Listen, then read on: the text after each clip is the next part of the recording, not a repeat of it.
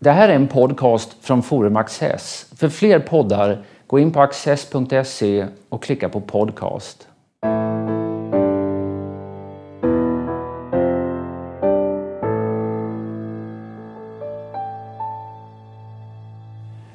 Välkomna till Studio Access. Ikväll ska vi prata om ett kärt och kontroversiellt ämne, nämligen polisen. Och det ska jag göra tillsammans med Christer Thelin, en domare, aktiv i debatten om den svenska polisen och aktuell med en, en ny rapport på temat. Välkommen hit. Tack så mycket. Man läser mycket kritik mot polisen i dessa dagar. Samtidigt när man mäter förtroendet för polisen så får de höga siffror. Hur, hur hänger det där ihop? Ja, det kan man verkligen undra. Jag tror att eh, dels är polisen väldigt skicklig i sin medvetna mediestrategi. Eh, de är skickliga på att reagera på kritik med löften om förbättringar. Och vad allmänheten nog inte alltid tänker på att det är en dålig uppföljning på huruvida dessa löften har infriats eller inte.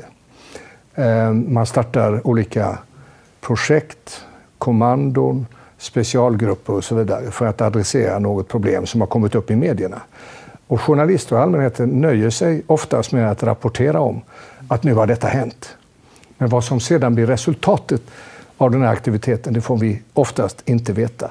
Och eh, som en frustrerad eh, kommunpolitiker berättade för mig så jag får aldrig någon återrapportering för det är i hans kommun som detta har hänt med ett nytt projekt. Och eh, sen är det ingen som talar om vad som hände. Och oftast har det då inte hänt någonting alls av det skälet att eh, resurserna behövs någon annanstans. Och det här att polisen till synes är väldigt snabb på att reagera, tror jag kan vara det som avspeglas i de här höga siffrorna när det gäller förtroendet.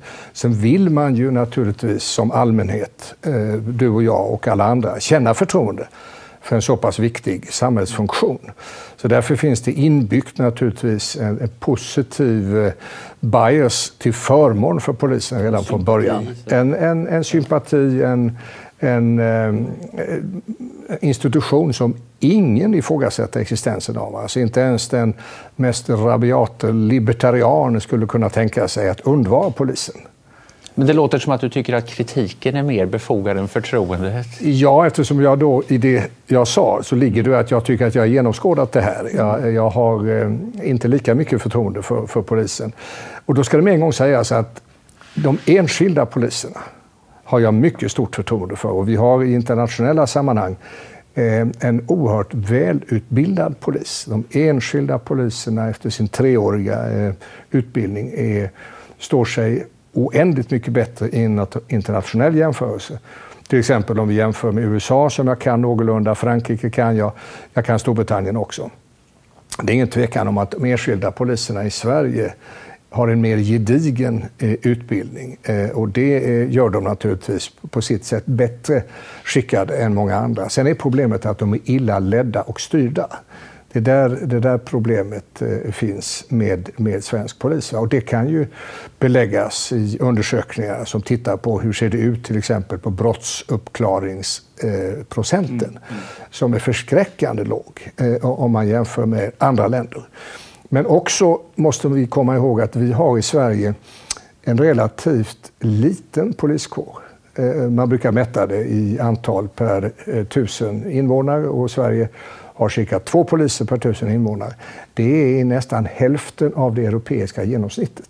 Vad beror det på? Är det, tror, för det har varit så ja, länge? Det har nog varit så. så det finns ju, å ena sidan så finns det då en bred samsyn över blockgräns, eh, över det politiska spektrumet om synen på polisen. Men det finns också naturligtvis kvardröjande ideologiska genomslag som jag har märkt som ung tjänsteman i regeringskansliet när jag var när jag var på 80-talet var sakkunnig i justitiedepartementet så under en, en socialdemokratisk regering så det är klart att polisfrågor hade ingen prioritet. Och man kan säga att Moderaterna har lyckats att abonnera på lag och ordning-frågorna. Fler och hårdare batonger och fler poliser och så vidare. Medan, medan socialdemokratin har varit mer mer avvaktande. Men har svenska socialdemokrater varit mer skeptiska mot polisen än vad socialdemokrater ja, i andra länder det, har det, det, är en svår fråga, för det har jag inte, jag har inte funderat i de banorna. Jag har bara konstaterat att jag tror att i, eh, det gemensamma minnet hos svensk socialdemokrati så tror jag säkert att storstrejken 1909 med polissablar som slog ner strejkande arbetare på något sätt fortfarande finns kvar som en, som en botten. Alltså, det är kapitalismens repressiva överbyggnad som, som tar sig sådana uttryck. Så, eh, det brukar ju heta om, om socialdemokratin eh, att man har sagt att jurister är inte vårt folk. Ja, det finns flera, inklusive Palme, högt uppsatta socialdemokrater som har gett uttryck för detta. Och lika mån så skulle man nog kunna säga att man eh, får socialdemokrater säga poliser är inte vårt folk. Och tittar man på partisympatierna så är det ju så att, att det är en förskräcklig överrepresentation för, för inte minst moderater i, i poliskåren. Polis, du, du talar om ledning och struktur å ena sidan och antal å den andra. Alltså polisdebatten har ju handlat väldigt mycket om antalsfrågan eh, och ganska lite om eh, ledning och struktur. Vad, vilken av de här båda dimensionerna är viktigast? För att... Ja, alltså antal är viktigt och där kan jag då tycka att eh, Polisförbundet, som ju ständigt vill ha upp antalet, inte minst för att fylla sina fackliga kadrer, har en poäng. Och jag tror att Sverige vore bekänt av att vi hade ett antal poliser som låg mer i nivå med det europeiska snittet. Mm. Vilket innebär att vi skulle kanske ha eh, ytterligare ett antal tusen poliser utöver de 20 000 som vi har idag. Mm. Men A och O eh, är hur polisen arbetar och inte antalet. Och där kan jag nog säga att eh, det stora polispartiet, Moderaterna, har grovt misskött sitt uppdrag i den delen. Man har fokuserat ensidigt på antalet och sätter en ära i att man har lyckats uppfylla sina löften perioden 2006 till 2014 i den delen. Men man har varit mindre intresserad av att se till att de levererar. Och samtidigt har befolkningen ökat. Ja. Under den här perioden så räknar man per, per capita. capita har det inte hänt så Nej, mycket. då ligger vi på samma polisnivå ja. som 1980. Men om man då, ja, Moderaterna hade då justitieministerposten i den, i den borgerliga regeringen och var en nyckelspelare för att eh, bakom den stora polisreform som nu, just nu håller på att implementeras i Sverige. Som, eh, det startade 1 januari i fjol. Mm. Eh, kan du berätta lite om den? Vad är tankarna bakom den? Förtjänster och brister? Vi har gått ifrån en ordning med ett stort antal polisdistrikt. Före 1965 så var ju polisen kommunal. Det innebar att det var, eh, och på den tiden hade vi ju 500 olika kommuner. Och det innebar att eh, kvaliteten var oerhört ojämn eh, ute i kommunerna. Och dessutom så blev det då gränsdragningar. En polis i kommun A kunde inte operera i kommun B. Ehm, utrustningen som sagt, både när det gäller kommunikation och man hade bilar och så vidare, var, var väldigt, väldigt eh, olika. Storstäderna hade naturligtvis mycket bättre än eh, ute på landsbygden. Och det ledde då till förstatligandet 1965. Men då behöll man en lokal eh, distriktsindelning så man hade 100-120 polisdistrikt. Och sedan har under decennierna efter 65 det hela tiden gått mot större och större enheter. Och Eh, Eh, fram till 2014 så var länen basen för polisverksamheten, 21 stycken. Eh, och rikspolischefen, eh, som har funnits sedan 1965 med Rikspolisstyrelsen, han saknade varje operativ verksamhet. Han var den som var vändskivan mellan riksdag och regering å ena sidan och polisorganisationen å den andra. Det var han som såg till att länen fick de pengar de skulle ha som regeringen fick riksdagen att bevilja. Men han, hade inget, han kunde inte ingripa operativt ute i länen utan det var länspolismästarna som var eh, de tunga spelarna mm. ute i organisationen. Och det ledde till att det blev ett ständigt diskuterande om hur pengarna skulle fördelas inom och mellan eh, de här länen. Mm. Och det har lett fram till eh, att man också på polisens område har gjort vad man har gjort i annan statlig förvaltning. Nämligen organiserat sig som en enda organisation. För då menar man, generaldirektörerna gillar alltid detta, för då, då är det de som har makten över hela, hela bredden, ja. ända ner till, till, till gräsroten. Så det var nog inte så konstigt att det där drevs fram. Och det finns eh, ett, ett känt eh, mordfall, det så kallade Änglafallet, som illustrerade svagheten med den nuvarande ordningen. Eh, det var ju så att en polis, jag tror att det var i Dalarna, satt på väsentlig information som grannpolislänet hade behövt för att kunna gripa eh, mördaren mycket tidigare än vad som skedde och kanske till och med förhindra brott. Så det där brukar man ta som ett exempel på att... att är det en god aspekt av den här reformen? Att ja, det kan man säga. gränser ja, det, det, ja. Det, det, det, tror jag är, är, är värdefullt. Eh, och att eh, polisen då kan anpassa sig eh, eh över hela ytan. Men även Eh, eh, Ehm, eh, om man gör det till en myndighet så har man då ändå delat in det i olika regioner. Man har sex, sju eh, olika storregioner så att säga. Och inom detta ska det då finnas mindre polisområden. Så trots att man har gjort det till en enda myndighet, vilket innebär att rikspolischefen kan spela över hela ytan, så har man ändå kvar territoriella gränser. Mm. Samtidigt har man då också upprättat särskilda specialavdelningar. Mm. Eh, för underrättelsetjänst och, och, eh, specialtekniker och sånt där som kan behövas för utvecklingsarbetet. Mm. Men om rivna gränser då i, i alla fall i någon utsträckning är en fördel med den här reformen, vad är dess brister? Ja, alltså det finns en, en allmän samsyn om hur polisarbete ska utföras på basplanet.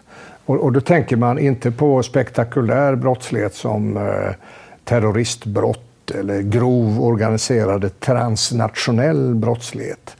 Ehm, det som förutsätter att vi samarbetar med polis i andra länder och så vidare. Utan man brukar tala om mängdbrottslighet eller om vardagsbrottslighet. Och själv är jag en, en, en motståndare till uttrycket vardagsbrottslighet av det skälet att accepterar man den termen så har man accepterat brott som en del av vardagen. Det låter lite uppgivet. Ja, det, jag, är inte, jag är inte så förtjust i att man använder men det är ett etablerat språkbruk. Va? Och då menar man brott eh, mot person, egendomsbrott, det som i brottsbalken eh, hanteras av kapitel 3 till 8. Mm. Alla dessa brottstyper svarar för mer än 50 procent utav alla brott som begås. Mm. Och man vet också att för att man ska ingripa mot detta så måste man göra det dels preventivt, inte minst när det gäller ungdomsbrottslighet där prevention är A och O. Det räcker inte att reagera. Men man måste naturligtvis också reagera om preventionen har brustit. Men detta förutsätter att man har uthållighet lokalt över tid. Det går inte bara... Om vi ska vara lite mer konkreta, ja. kanske, alla är kanske inte helt uppdaterade på kapitlen i brottsbalken. Nej, men vi pratar inbrott, ja, misshandel, misshandel, skadegörelse, stölder, stölder, skadegörelse. Ja. Mm eh, tjuvnadsbrott som vi skulle säga enligt gamla strafflagen och så vidare. Mm. Och det, det, det är det som skapar otrygghet va, i ett samhälle om man känner att man riskerar att utsättas för detta. I detta ingår också sexualbrott. Mm.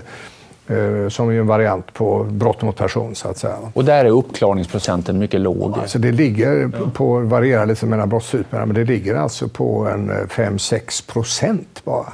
Mm. Vilket är alldeles för lågt. Alltså. Och det beror på att eh, polisen är, kommer sent på bollen oftast. Eh, och nu är det i, i syfte att spara pengar så har man redan före den här reformen har man centraliserat eh, länscentralerna dit polisens... Eh, när man ringer till polisen så kopplas man dit och de har blivit större och större. Så att eh, någon som ringer ifrån eh, en Skånestad, till exempel Landskrona, hamnar då i en växel som kan ligga i, i en annan del i Småland till och med. Mm. Eh, och det är inte så lätt med lokalkännedomen att veta då vart man ska skicka en patrull. Och en patrull kanske inte är gripbar, utan måste ta sig tio mil. Ja, men en av kritikerna mot polisen är att man kanske har förtroende för den, men tyvärr är den inte där för Nej. att ta emot ens förtroende. Utan det är det man känner sig övergiven på många håll i landet. Och det gäller väl både i landsorten men också i, I, städerna, ja. i städernas problemområden. Och där har vi fått ett nytt fenomen i, i det som vi eh, i brist på bättre kallar för utanförskapsområden, alltså socioekonomiskt svaga områden.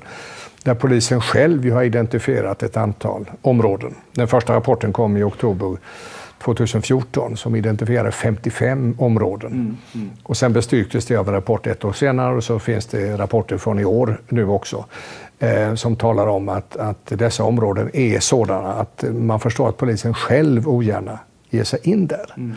Eh, för att inte tala om till exempel utryckningspersonal som eh, räddningstjänst och ambulansverksamhet som alltså inte kan åka in utan att ha poliseskort. Mm. Och då har vi ju skapat eh, eh, områden som är laglösa i, i reell mening. Mm. Och de som drabbas av detta mest är ju de människor som bor i dessa områden. Som redan från början har eh, inte de bästa förutsättningar. Och ovanpå detta ska de alltså drabbas av en brottslighet. Ja, alltså lekmannens fundering är ju varför inte just dessa områden blir prioriterade. Varför man inte ser till att vidmakthålla en närvaro där.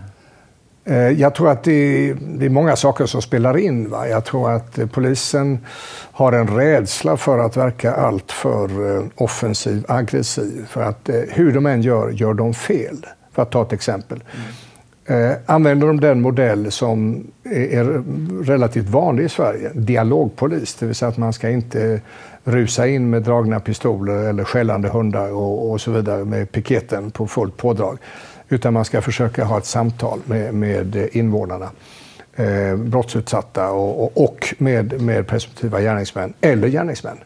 Ja, då kritiseras polisen för att man är för eftergiven och man är för återhållsam och man tar inte i med de hårda handskar man behöver.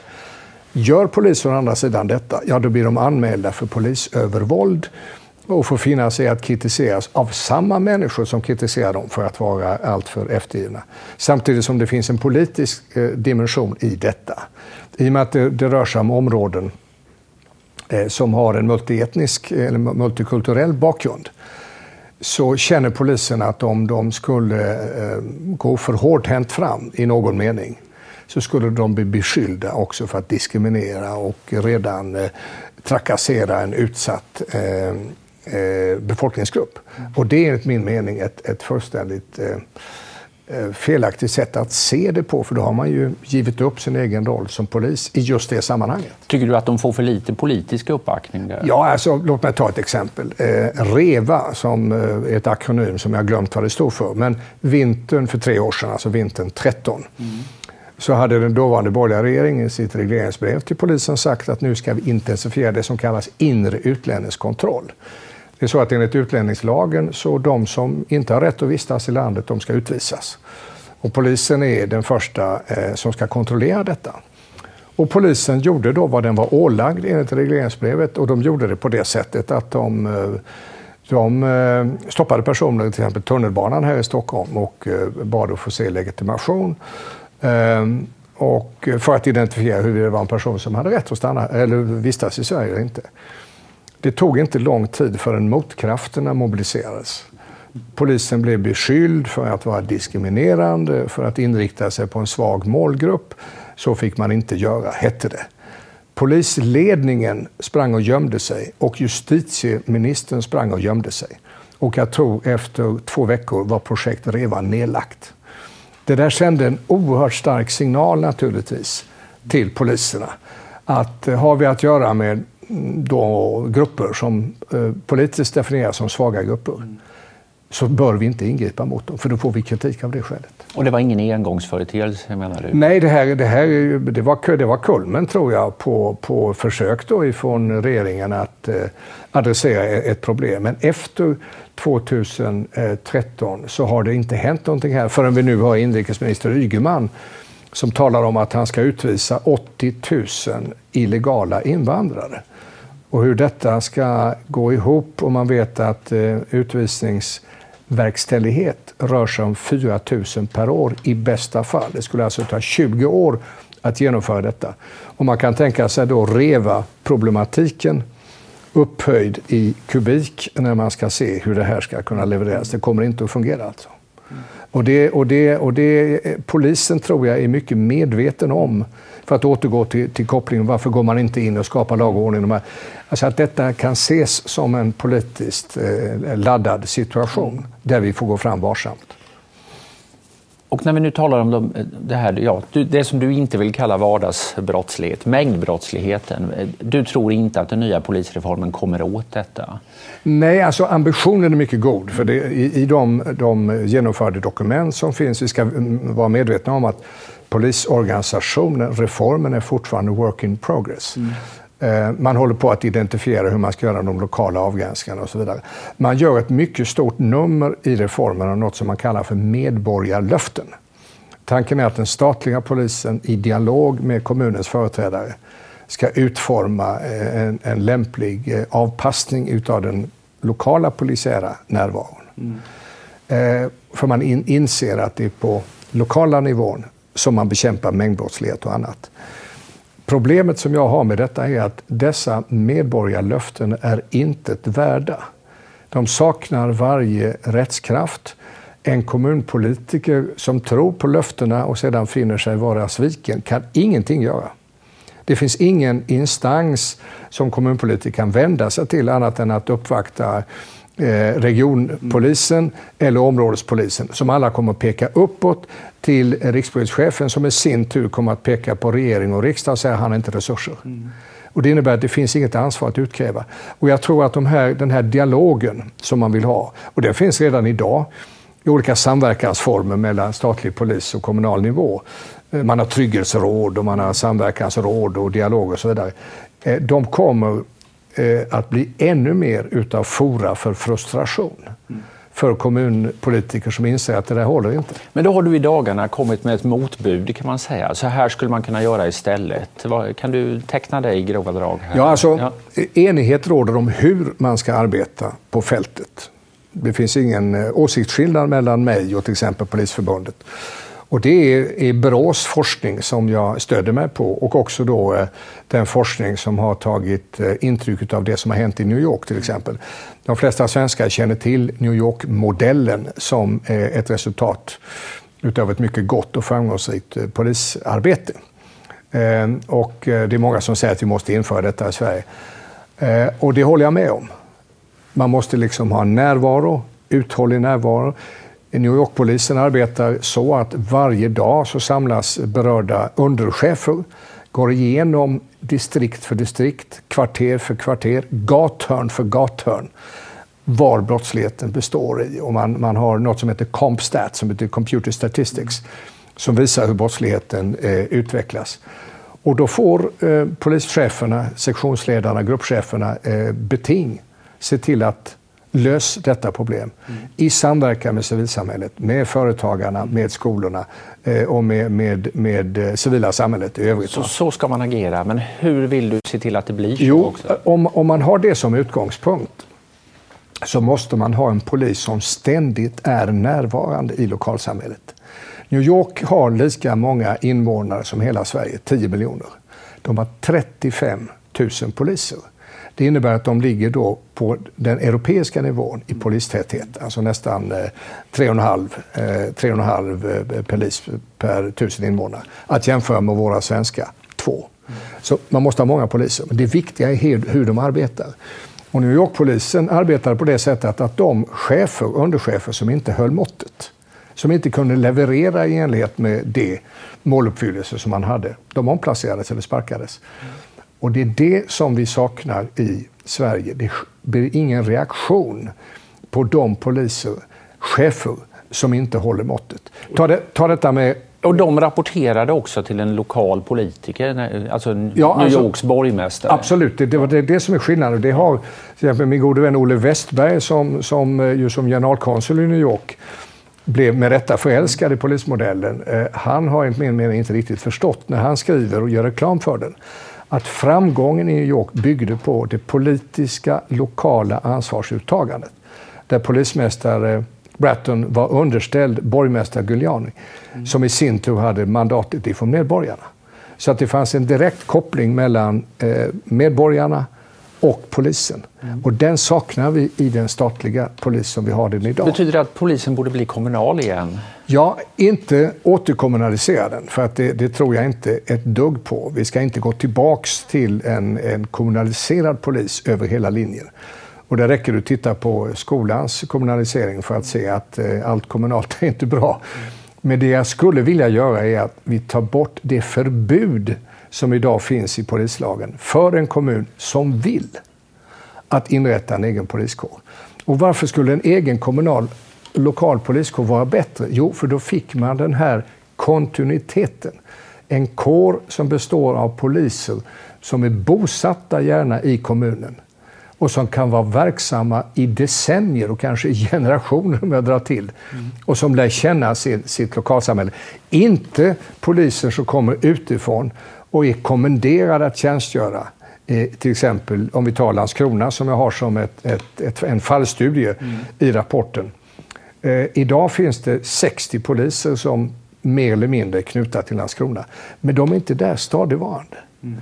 Utan de kan då eh, utav regionchefen eller en eller annan områdeschef eh, sändas någon annanstans. Och karriären gör man någon annanstans? Karriären ja. är så utformad att man flyr ifrån yttre tjänst till inre tjänst. Man flyr ifrån tråkiga städer till mer intressanta städer, mm. småstäder, landsbygd till storstäder.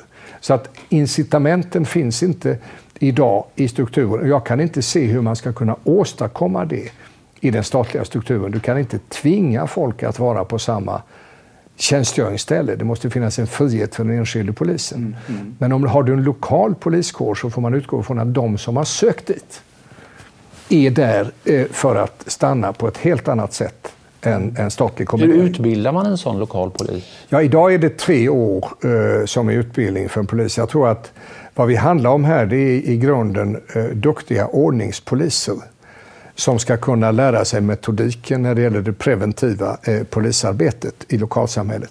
Och jag tror att en grundutbildning på ett år, det vill säga en tredjedel av det nuvarande, torde vara tillräckligt. Och sedan polischefer Eh, mellanchefer och så vidare ska naturligtvis ha påbyggnadskurser och eh, ska vara, utväljas efter, efter eh, fallenhet och lämplighet och testförfarande och så vidare. Man kan säga att det här innebär då att de är ja, mindre, mycket mindre utbildade än de som är poliser idag.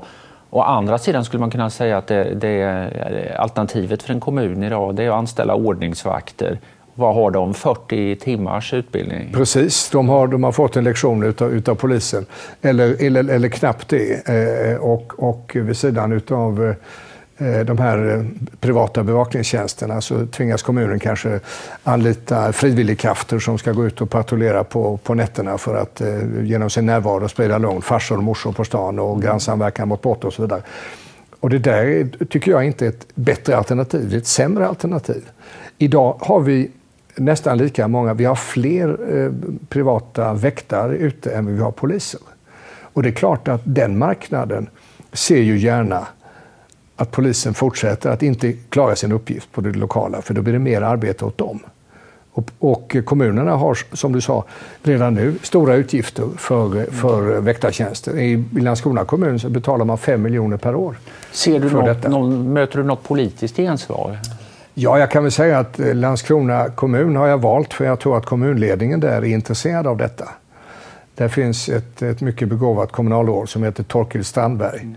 Eh, och vi har diskuterat de här sakerna eh, under årens lopp och det är ingen tvekan om att skulle kommunförutsättningarna genom polislagens reform, alltså man tar bort, det är bara att ändra en paragraf egentligen i, i, i polislagen, så skulle man öppna upp för möjligheten för kommunen. Då gissar jag att Landskrona kommun skulle vara intresserad av att göra och bli till exempel försöksstart. Då skulle man få ett pilotprojekt. Ja. Då får man ett pilotprojekt. Va? Och, eh, det är riktigt att i min skiss, eh, eller mitt förslag, så är de enskilda poliserna har inte treårig polisbakgrund. Men poängen är att de ska vara bättre ledda. Jag skulle vilja att polischefen i, i Landskrona kommun eh, för poliskåren i Landskrona. Han ska ligga på 90 000 i månaden för att kunna matcha eh, förvaltningscheferna i kommunen. Och sen får då eh, cheferna under ha, ha löner i relation till detta. Va? Och det är mycket väl på det sättet att den kommunala polisen, trots kortare utbildning, kan vara mer betald än vad en statlig polis med, med lägre utbildning kan vara. Så att ur polisfackets synvinkel kan jag inte se att man behöver vara motståndare till att det uppstår en lokal poliskår. Mm. Ja, en intressant idé.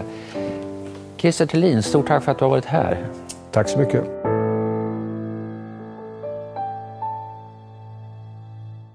Och här kommer några extra minuter med mig och min gäst. Ja, du säger att polisfacket borde inte vara emot det här, men de är väldigt skeptiska. Ja, den här frågan har ju vädrats eh, tidigare.